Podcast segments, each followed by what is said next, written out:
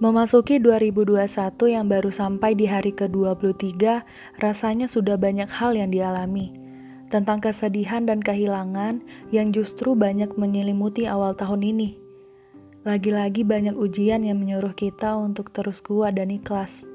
Namun, manusia selalu ada di titik terendah untuk ia harus istirahat dari semua kesedihan dan kehilangan yang dirasakan. Tidak apa-apa untuk merasakan kalau diri kita sendiri sedang tidak oke, tidak baik-baik saja. Karena kita sama-sama tahu bumi sedang tidak baik-baik saja. Datang satu bencana, bencana lain ikut menyergap. Saat itu, yang perlu kita lakukan adalah berdoa dan berusaha.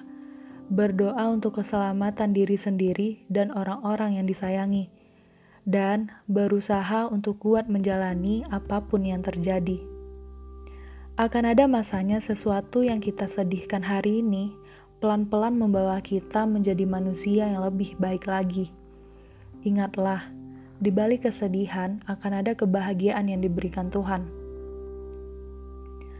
23 hari di 2021, Sabtu dan Minggu kedua terakhir di Januari. Besoknya disambut dengan pekan terakhir dan kita sudah menghabiskan 31 hari di bulan yang pertama ini tentu banyak harapan baik yang tercetus untuk bulan-bulan selanjutnya. Meski kita tahu, kita sebagai manusia tidak bisa mengontrol semesta maunya apa.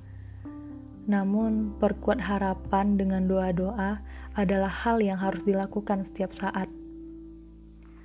Sedih rasanya melihat begitu banyak kehilangan tanpa ada yang menduga kalau peristiwa itu akan terjadi begitu cepat mereka pergi menuju tempat terbaiknya Tuhan. Meski begitu, kita masih punya orang-orang baik yang selalu menolong, entah dalam bentuk jasa atau materi. Orang-orang baik itu adalah perantara untuk membantu. Walaupun ada yang tidak bisa datang ke tempat, setidaknya dengan mendoakan, Tuhan kabulkan doa baik itu.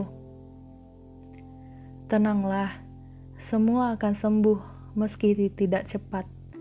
Semua akan usai meski tak hilang diingatan. Air mata itu akan berganti senyum bahagia. Tenaga yang letih itu akan berubah menjadi semangat yang membara. Cepat sembuh bumi, kami merindukan keceriaanmu lagi.